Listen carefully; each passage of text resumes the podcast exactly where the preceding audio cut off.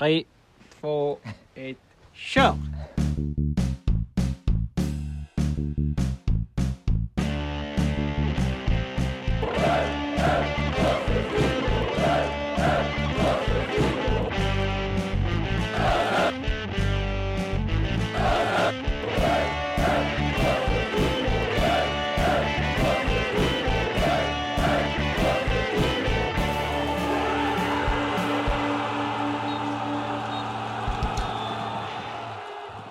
Då hälsar vi eh, alla hjärtligt välkomna till avsnitt eh, 31 av den alternativa Österpodden.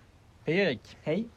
Du har eh, återigen tagit dig hem till, eh, ja nu är det ju Växjö för dig, inte Stenslanda längre. Ja just det, nu bor jag faktiskt kanske ett tiotal ganska långa stenkast från Visma Arena.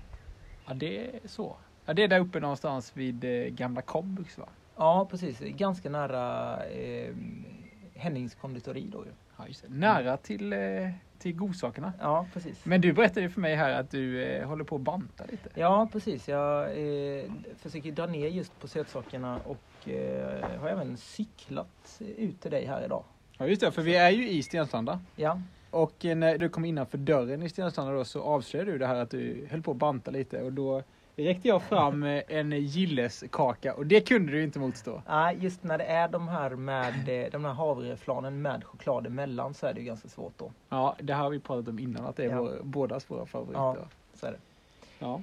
Du eh, har fullt upp ju. ja, som vanligt. Det är renovering och det är, har ju varit vårbruk. Vårbruket är klart men det är alltid massa andra saker här i maj som ska fixas och grejas med. Ja. Vi kanske ska berätta, det gjorde vi aldrig. Vi sa bara att vi sitter i Stenslanda men vi, vi är ju faktiskt, eh, man kan nästan säga mitt ute i skogen. Mm, Och det är ju några grannar här ute i Stenslanda då som eh, de är glada pensionärer och har inte så mycket att göra så de har diverse byggprojekt eh, för sig. Så de har ju liksom byggt in en husvagn här. Eh, vad kan det vara? En och en halv, två meter upp sitter den. I luften. Ja, de har en som en så kallad åtel då till att Just jaga vildsvin. Ja, De sitter här och häckar på nätterna och, och försöker skjuta lite vildsvin. just det. Eh, men det är ett riktigt gediget bygge får Ja, man ändå säga. Med sådana telefonstolpar då. Ja, så vi, eh, vi sitter under den här Ja. faktiskt. Och känner oss ganska trygga att den inte kommer ramla ner i huvudet på oss. Ja, det tror jag inte den kommer Ja. göra. I campioni di Svezia dell'Östers. Det har ju också varit säsongsupptakt. Ja, det har det. Har du några funderingar kring det? Det har väl varit lite ömsom vatten och ömsom vin eh, den här eh, Ja. säsongsupptakten. Man kände ju sig eh, väldigt positiv fram till gais matchen Men så här i efterhand så kan man ju se att de första tre lagen de mötte där, Örgryte, Landskrona och Falkenberg, har väl varit lite sådär. Landskrona har i och för sig varit väldigt positiva, Ja. de ligger väl tvåa och Mm. där blev det ju bara oavgjort. Men eh, Örgryte och Falkenberg har gått lite sist och där så det skulle nog vara givna tre poäng om man ska ha någonting Mm. med övre halvan att göra. Just det. Så det kanske inte var så konstigt att det blev vinst där. Nej. Eh, sen blev ju de här förlusterna mot Gais och Sundsvall och det är ju topplag. Ja, och de matcherna kan man ju säga att de hade ju... Det var ju verkligen inte så att Öster var utspelade på något Nej, sätt som vi alla vet. Utan det hade ju kunnat sluta precis hur som helst egentligen. Ja, med lite tur så hade de ju vunnit båda till och med. Ja, mot Gais hade de ju knappt ens behövt tur Nej, kan man säga. Men eh, så är det ju. Ja.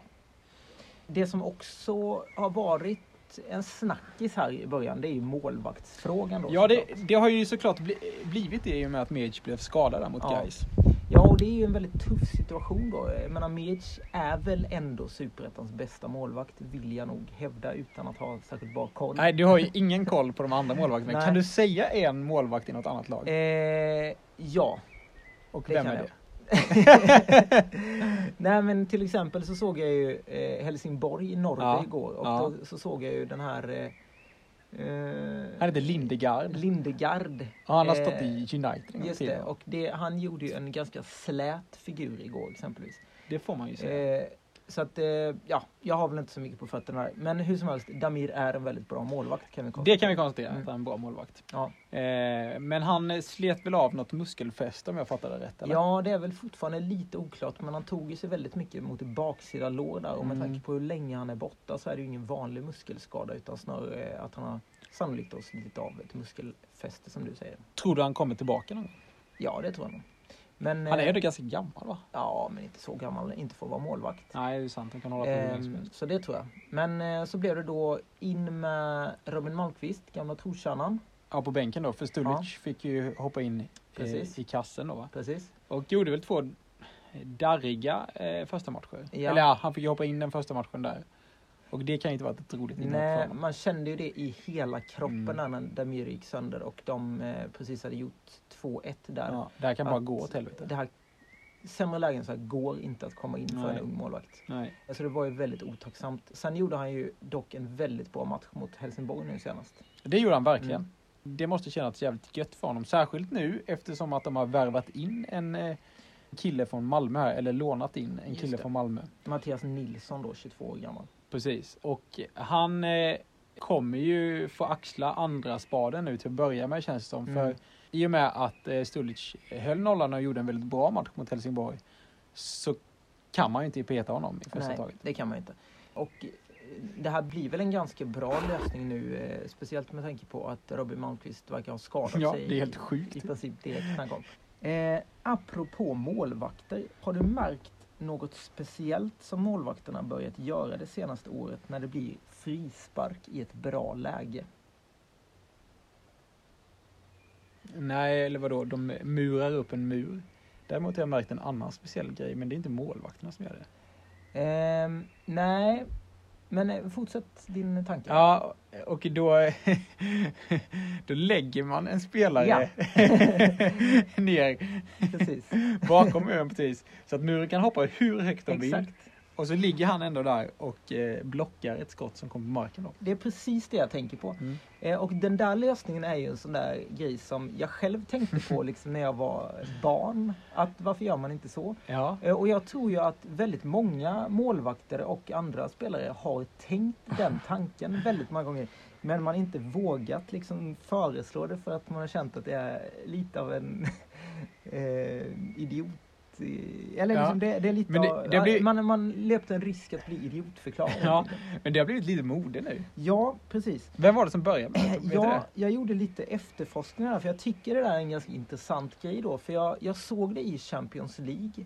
Jaha. Och sen eh, några veckor senare då så såg jag det i Superettan. Och det blir väldigt ofta så att om någon gör en sån här ganska djärv manöver i ett topplag i Europa, då Mm. tänker helt plötsligt alla andra lag att Alltså där ska vi också göra, då Ja. kommer vi bli lika bra som de lagen i Champions League. Ja. Har vi något Eh. annat exempel på något sånt? Som, Eh, jag vet inte riktigt men eh, det känns som att sånt händer rätt så ofta i alla fall. Eller inte typ en, eh, en frisyr som gick hem, Beckham-frisyren. Ja. Anammades inte den väldigt mycket efter att Beckham... Tatueringarna. Tatueringarna, definitivt. Helt plötsligt så är hela Liatorps lag tatuerade likadant som eh, Victor Nilsson Lindelöf. Är det inte Enerida? Jo, alltså, men det, det finns mycket där. som kan- det Men i alla fall, eh, det hela, jag har gjort lite efterforskningar kring det här med den, här liggande spelaren Ja. bakom muren då. Och det verkar ha tagit fart i Europa 2018 när Inters Marcelo Brozovic Alltså så länge Eh. som 2018? Ja, precis. När han då la sig bakom muren när Luis Suarez i Barcelona skulle slå en frispark. Mhm. För tydligen är det så att Suarez ganska ofta försöker sig på den här fulingen att slå den under Ah. muren då. Och eh, mycket riktigt så kom ju bollen då på Brozovic. Ja, så han och, stoppade den eh, där då? Han stoppade den. Ja. Men vadå, såg inte Suarez det? Det måste han ju sett att det ligger en spelare Ja, där. men jag tror att han liksom sprang in och la sig snarare. Ah, han gjorde liksom en glidtackling. Ja, i princip. Ja. Men om man läser ännu lite vidare så verkar det här eh, ha börjat i eh, Serie B i Brasilien eh, runt 2010. Och eh, det var då ett resultat av att det fanns så himla mycket bra eh, frisparksskyttar i Mm. Brasilien kan man tänka sig. Inte helt oväntat. Nej. Och då i en match mellan Figueirense och Palmeiras. Inte Figueredo då? Nej, Figueirense och Palmeiras. Så var det så att Palmeiras hade en väldigt bra frisparksskytt som hette George Valdivia. Som brukade göra detta just då att han lägger bollen under muren. Men det hade förbisetts då av Palmeiras mittfältaren Ricardinho. Obs! Inte, Inte- vänsterbacken i Malmö FF. Eh, För detta vänster? Nej, precis. Som snabbt då slängde sig bakom muren eh, när det blev frispark och bollen då tog på denne Ricardinho Ja. som blev firad som en hjälte. Vad är det som händer? Har du sett att det sitter en fågel där? Jag tror det är en hackspett. Ja, Ja, nu flög han. där flög. Ja, nu, han sitter på den han tunnan? där. Det är nog mat där inne kanske. får en bild på honom. Ja, där inne är det ju mat, definitivt. Ja, vem tror du om Öster skulle haka på trenden? Vem kommer ligga? Bra fråga. Eh, Jag tror att Ja. eh, Rochester ligger bra till. ja, han ligger nog.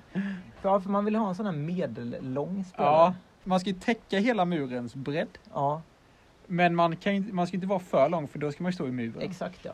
Om du hade legat där, hade du valt att ligga med blicken mot bollen eller mot målet då? Ja, man vill nog se bollen. Ja, jag hade nog valt att inte göra det. Man vill ju inte veta att den är på väg mot Ja, den. fy fan vad ont det gör om man får den i, i, i räven eller i ryggen. Ja, fast, Man kan ändå hålla händerna Fast lite det så här framför ansikte och... fast då blir det ju hans. Nej, inte man håller dem intill kroppen.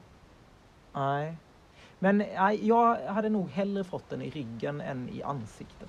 Ja. Tror Apropå eh, Rochester Sörensen, eller som vi kallar honom, MRS. Ja. Så eh, har du eh, fördjupat dig lite i hans eh, liv. Ja, eller rättare sagt, eh, jag blev väldigt imponerad av honom här i säsongsupptakten och började liksom känna att han är väl ändå en av de finare mittfältarna man har sett i, Mm. i öster under Han- 2000-talet. Han eh, spelar på något sätt väldigt enkelt hela tiden. Jag har Ja. suttit och studerat honom några matcher och noterat att det är ofta, eller väldigt sällan, han spelar med mer än ett tillslag. Mm. Och eh, spelar han med mer än ett tillslag så, så blir det en väldigt eh, Mm. avancerad passning framåt så att säga. Annars tar han alltid ett tillslag, lätta passen. Och det är väldigt effektivt. Han är en sån här spelare som ser ut att ha väldigt mycket tid på sig hela tiden. Mm. Eh, Det är en fantastisk egenskap som man själv aldrig hade riktigt. Usch nej. Man fick ju alltid panik så fort Ja. man fick bollen. Men i alla fall, eh, jag bad helt enkelt fem av varandra ganska så beroende personer att rangordna 11 östermittfältare som jag då hade valt ut som de bästa under 2000-talet. Jag var ju en av de här som Ja. du frågade. Och du ställde ju först frågan om du hade missat någon. Och vi tyckte ju inte att du hade missat någon. Nej, jag hade nog rätt så bra koll där. Och de som jag då hade valt skulle rangordnas var då utan inbördesordning Paolo Figueredo, Johan Persson, Helge Danielsson, Atiba Hutchinson, Jonathan Levi, Dennis Velic, Darijan Bojanic, Fredrik Gustafsson, Peter Wibron, Mark Rochester Sörensen och Pavel Savadil. Och eh, man kan då efter att jag då satt och sammanställde de här fem olika listorna lite grann så kan man då konstatera att alla såklart listade olika. Det hade ju varit Mm. konstigt annars. Men var det så att alla hade samma etta? Ja, precis. Det fanns ju likheter och tendenser och Mm. eh, den tydligaste likheten var ju då såklart att alla hade Atiba Hutchinson som etta. Det känns, känns ganska givet. Ja, det är det. Mm. Sen så var även de flesta överens om att Helge Danielsson, Johan Persson och Jonathan Levi tillhörde topp fem då. Mm. Och eh, sen kan man då fråga sig hur placerades då Mark Rochester Sörensen in Mm. i detta? De fem deltagarna i studien då placerade honom som nia, tia, tia, elva och elva. Vi var ganska överens då att han Ja. var en av de mindre bra av de här bra. Just det. Och det känns väl rimligt. Det är ju också det där att eh, han har ju trots allt bara spelat på superettan-nivå. Ja, och eh, han har ju bara varit i klubben i ett år. Nu är det några av dem där också så som bara var i klubben i ett år. Ja, Men eh, han kan nog klättra lite på den listan. absolut. Eh, jag kan också säga så här till dig då Peter, att jag såg en av personerna på den här listan idag. Jaha. Vem var det? Peter Wiborn. Ja. han ser man ofta. Han var också ute och cyklade. Ja, det kan jag tänka mig. Det ante mig att Ja. han var ute och cyklade.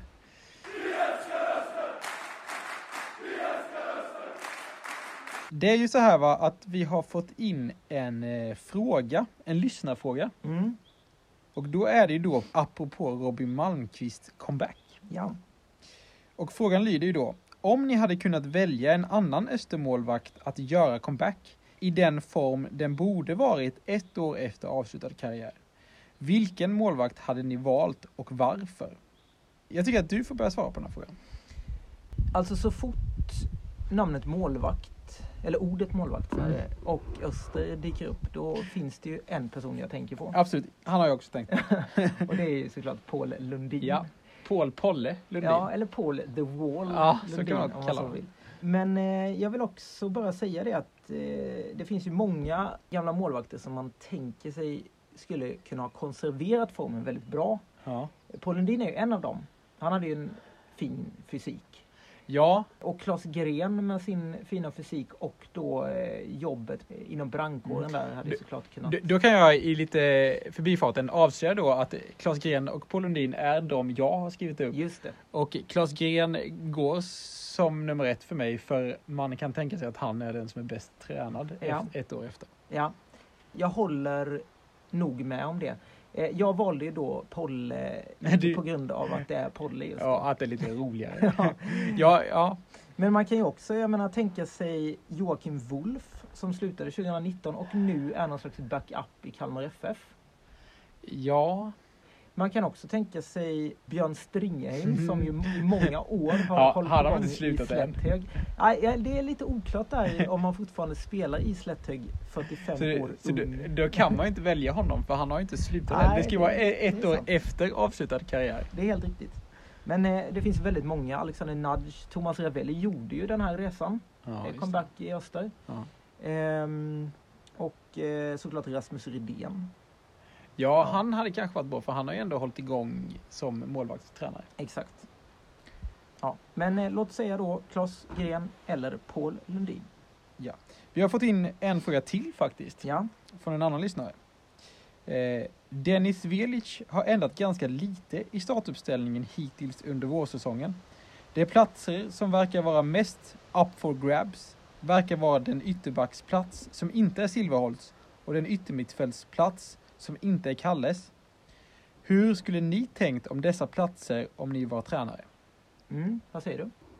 För det första så tycker jag att det är lite synd, men det är ett jättesvårt jobb han har Dennis, för han eh, har så himla många fina spelare i årets trupp.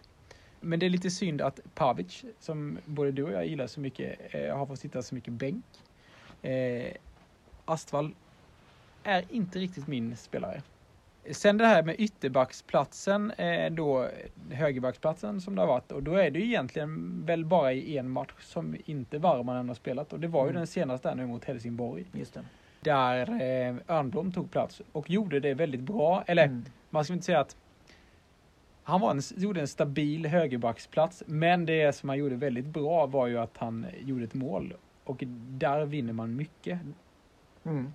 Jag eh, tycker ju på sätt och vis att det är väldigt bra att de håller kontinuitet i laget. Sen kan jag tänka mig att lite rullians i elvan måste de ha för att hålla alla nöjda och för att alla ska känna att vi kan ta en plats i det här laget. Det är helt, inte helt omöjligt. Jag tänker att eh, islänningen här då, Hauksson, som förvisso varit skadad och lite borta och så nu. Han har ju inte gjort en minut än. Nej. Och om han är så bra som eh, ryktet säger så måste han få någon chans även fast både Rochester Sörensson och Drott kan spela alla matcher. Mm. Dock kan man väl säga så här, Drott kommer ju vara avstängd Han har redan varit avstängd en gång. några gånger Ja. den här säsongen. Så att den platsen kommer ju öppnas upp ibland. Men nu gjorde ju den här Engqvist, Emil Engqvist, Ja. eh, en fin match och ett fint inhopp Mm. senast. Kanske att det beror lite på motståndare där kan jag tänka mig. att Ja. eh, Om Öster ska vara lite mer spelförande att man kanske väljer Höjksson då. Ja, kanske. Mm. Ja men intressant. Hur tänker du? Eh, jag tyckte ju att Örnblom var väldigt bra mot HF. Jag tycker att han eh, såklart var väldigt bra defensivt men Mm. också kom till en hel del inlägg. Ja, Eh, han hade ingen dum högerfot heller. Nej, han har ju inte det. Och sen så är det ju som du säger, det är ju guld värt att ha en ytterligare liksom, huvudspelare Mm. på plan. Och ehm, jag är också lite fascinerad av det här när man har tre av fyra mittbackar i en backlinje. Jag minns ju till exempel att Lars Lagerbäck jobbade en del med det här att Olof Mellberg kunde spela högerback och även Teddy Lukic som ju egentligen också är en Ah, mittback just i grunden. Vi har ju också exempel som kanske är lite mer haltande för de spelade väldigt mycket ytterback. Men Lilian Tyram och Paolo Maldini är ju också sådana Mm, spelare som mm. egentligen kanske är mittbackar. Ja. Så att visst går det att bygga en backlinje på i första hand fysik snarare än kanske snabbhet Ja. och eh, så. Sen måste jag också få säga lite grann om det här med yttermittfältsplatsen då. Absolut. Ehm, jag är precis som du. Jag tycker väldigt mycket om Mattias Pavic. Alltid Mm. gjort. Vill att han ska få spela mycket. Mm. Ehm, kanske är det ändå så att vi kan nå högre höjder med Astvald. Men också djupare dalar. Ja, du tänker så. Att eh, Astvald kanske ändå är en lite vassare passningsspelare. Har ett lite vassare skott och är lite vassare framåt. Medan Pavic är betydligt jämnare. Jag menar Pavic är ju alltid en trea. Mm. Tre julgranar så att säga. Han får sällan lägre än tre hjul. Nej. Nej. Medan Astvald kan i princip få 1 till 5. Mm. Det kan bli precis vad som helst där ju. Men, men om, Ja. jag, om jag slänger upp och gör så här då. Theo Brenner Toris. Ja, alltså det är en spelare som jag känner att jag har sett för lite av Mm, man har sätt. inte sett alls mycket av honom, men man har ju hört mycket gott om honom. Nu är Mm. han väl lite skadad om jag fattar saken rätt. Han fick väl någon smäll mot huvudet här. Mm, Så han kanske inte är jätteaktuell just nu, men ehm, för framtiden. absolut. Och sen har vi även Sahirovic som Mm. gjorde väl en väldigt fin försäsong. Mycket Han, fin. och Igen. spelade väldigt Mm. mycket. Ja. Han måste ju få chansen någon gång Så också. visst, visst finns det en god återväxt och många alternativ att välja på. Ja, ja. Ja, men jag tänker väl just som det ser ut just nu så är det väl ändå Astvald Pavic som eh, konkurrerar och då tänker jag mig väl att så länge Öster liksom nosar på toppen så tror jag Astvald är ett bra alternativ. Medan om det blir mer bottenkrig så vill jag nog förorda Pavic ja, eh, på något sätt. kanske för att han har lite mer defensiv Ja, inriktad precis. spelstil. Ja, Vi får väl se hur det blir eh, framöver. exakt.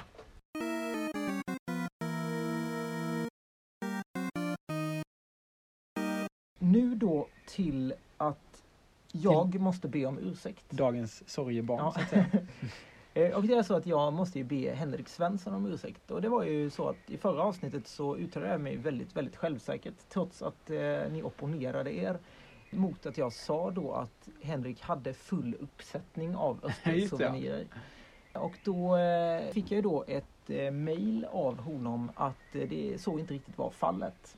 Han satte ner foten själv då. Eh, precis. Eh, Henrik har ju vunnit väldigt mycket och eh, jag fick väl helt enkelt för mig att han eh, hade full uppsättning. Men det är så att han vann väldigt mycket i början Ja, just och eh, liksom innan vi hade lanserat den nya kollektionen. Så han är ju full uppsättning av det gamla materialet Exakt. så att säga. Men han har liksom varken då t-shirt eller keps. Alltså han har inget av det? Nej, så att vi måste skicka ett, Måste, ändera av dessa ändra till honom. Vilket ska vi skicka? Jag tror han klär bäst i keps egentligen. För han Ja, har ju också Han är, han är lite av en kepskille. Ja, jag tror det. Mm. Han gymmar ju en del och sånt, att han skulle kunna ha Ja, den på, då kan han ha det. på gymmet då. Ja. Sen har vi ju då förra avsnittets Vem där? Just ja, Och och det det, var ju du. det var jag som hade det. Och då löd ju ledtråden så här då. Med ett hopp mot skyn kunde vår man sjunga och skråla. Även fast få kunde vråla hans riktiga namn. Du färdades oftast i hög hastighet för att kanske rädda en av de rödblå i stan. Heja Öster Fristerberg. Och då var det ju då Ambulans-Jonas som var det rätta svaret. Mm. Fick vi in ett rätt svar? Ja. Vi fick in flera rätta svar. Men Ja. den som var snabbast, det var en nykomling. Härligt! Och inte vilken nykomling som helst, utan det var vår Patreon Albin Sundberg.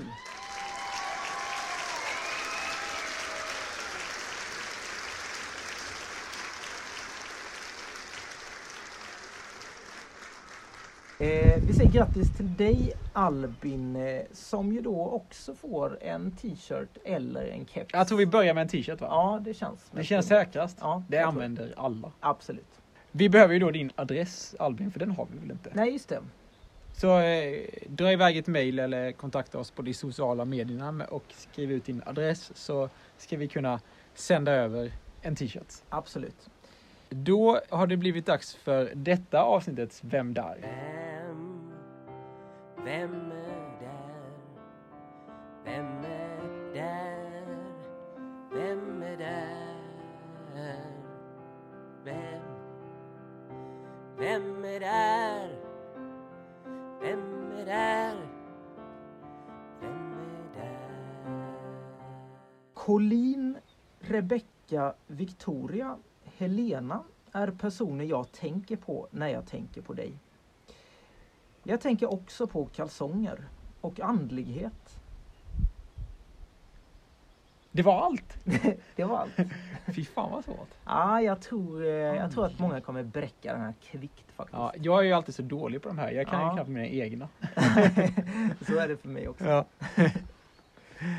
Och svaret då, det skickas ju till alternativaosterpodden at gmail.com. Glöm inte där att det är Gmail nu för tiden och inte Hotmail. Just det, det var länge Ma- sedan. man kan ju också eh, kontakta oss via de sociala medierna och skriva det rätta, förmodade rättade svaret där.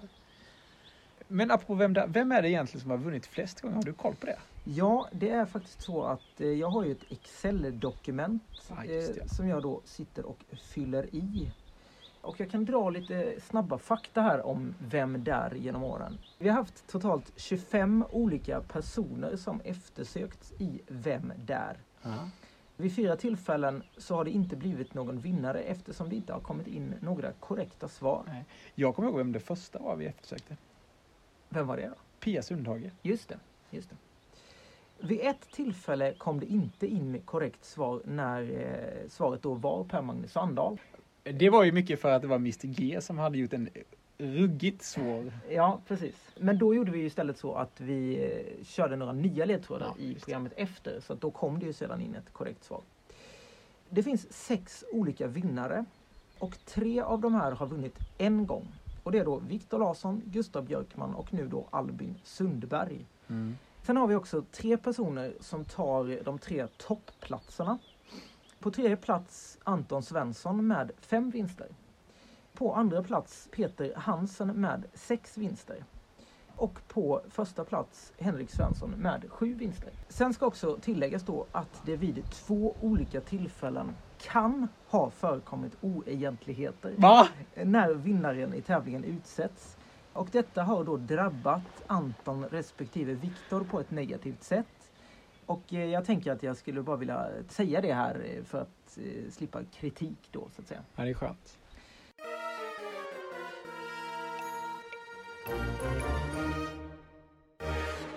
Den 11 juni börjar ju EM.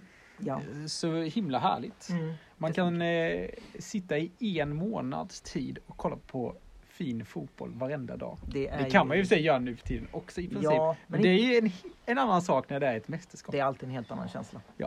Och du kom ju med det fantastiska förslaget att vi skulle starta en eh, sån här drömelva-liga Just det. genom Aftonbladet. Det gör man ju alltid då. Ja, vi, vi är inte sponsrade av Aftonbladet. Nej. Kan säga. Och nu skulle vi vilja bjuda in alla våra kära lyssnare till den här ligan. Mm. Och vad heter då ligan? Jo, då heter den Björn Berglund Trophy. Det är ju ett härligt namn. Eh, så att man kan alltså gå in på EM11 då på Aftonbladet, skapa ett lag där om man vill. Ja, det kostar lite pengar så Ja. vi tvingar ju absolut ingen. Och sen då ansluta till denna liga så fort man bara kan. Absolut. Så får vi se vem som vinner. Det blir ju liks- liksom inga priser eller så utan det Nej. är ju... eh, Vi kommer liksom kanske ära. nämna här i podden vem eh, det är. Det kommer vi nog. La, lagnamnet kommer vi nämna. Man, bör, man kan ju vara anonym Ja. med sitt lagnamn. Precis, men försök då att kanske inte använda så att säga opassande namn. Ja, precis. Eh, har du funderat ut ditt lagnamn? Ja, det har jag. Ja. Eh, jag kommer heta Lokomotiv Stenslanda. Har du eh, funderat på vad du ska heta? Jag funderade, men eh, jag har inte fastnat för något än. Nej?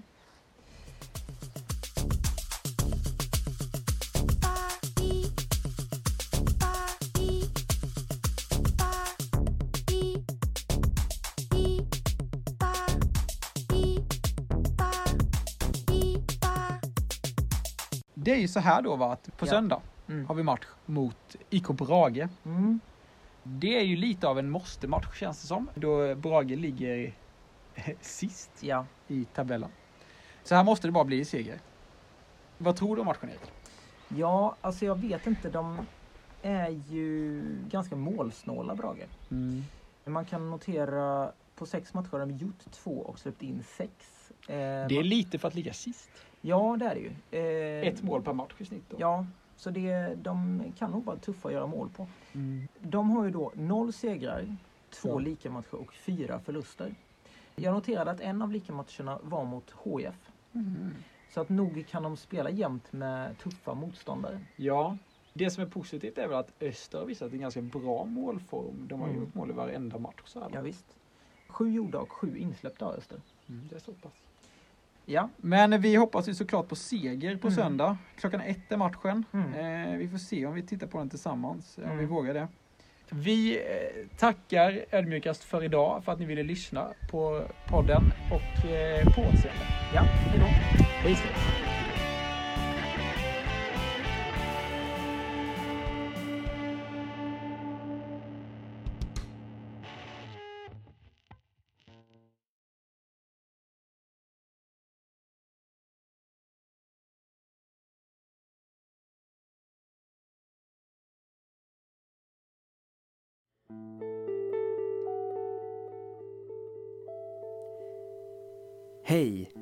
Du vet väl att du som Patreon på Tony Westring-nivå också får tillgång till extra poddmaterial? I den här omgångens Patreon-avsnitt pratar vi i huvudsak om löpskytte. Som bland annat kan provas i Järfälla. Missa inte det!